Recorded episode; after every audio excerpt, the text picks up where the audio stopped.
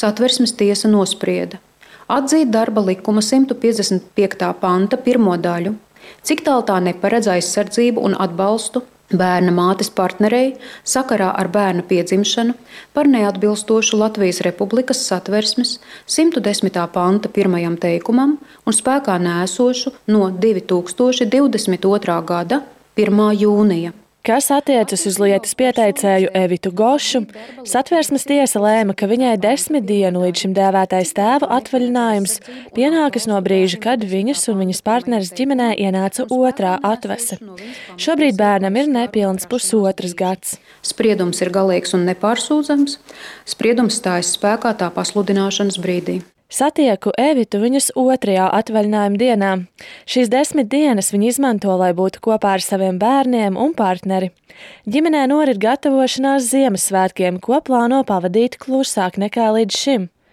Lai arī formāli Evitas Gošas pieteikums satversmes tiesā bija par desmit dienu atvaļinājumu, Tomēr pamatā tas bija par vienzimumu pāru tiesību aizstāvēšanu. Tas ir tikai viens no elementiem, kurā šīs ģimenes nekādā veidā netiek aizsargātas. Tas ir viens no daudziem, daudziem, daudziem šādiem elementiem.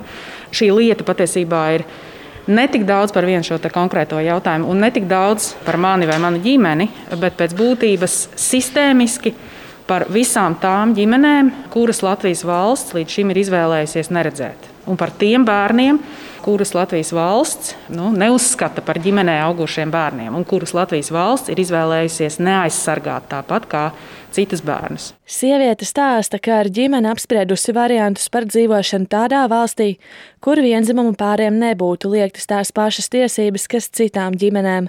Tomēr viņas ir valsts patriotis.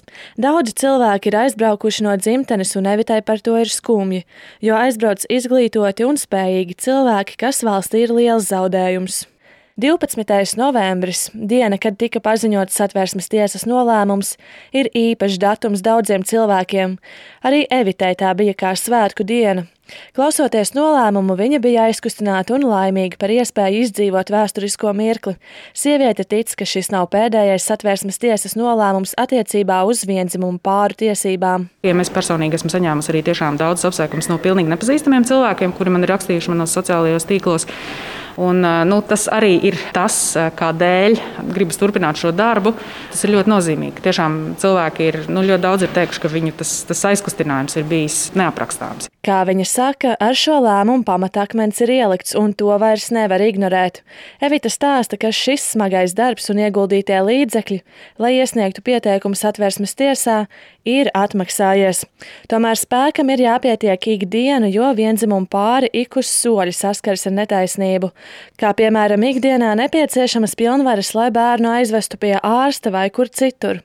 Vai vēl skaudrāk, ja vienzimumu pārim ir testaments, kurā juridiskais vecāks ieceļ partneri par aizbildni, tad jebkurā gadījumā pēc juridiskā vecāka nāves aizbildni vērtēs bāriņtiesa, kaut arī bērni to uzskata par vecāku uzlikt tādu e, zīmogu vienzimuma pāriem, kuri audzina bērnus, kuriem tiešām tas viss nāk ļoti grūti un smagi, proti, rūpīgi to plānojot, e, ieguldot tajā ievērojams arī izdevumus un, un organizējot visu šo dzīvi ar šiem visiem papildu elementiem, ja, ar papildu izmaksām, ar pilnvarām, ar testamentiem un tam līdzīgi.